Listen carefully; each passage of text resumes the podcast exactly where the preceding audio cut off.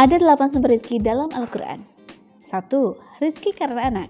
Dua, rizki yang telah dijamin. Tiga, rizki karena menikah.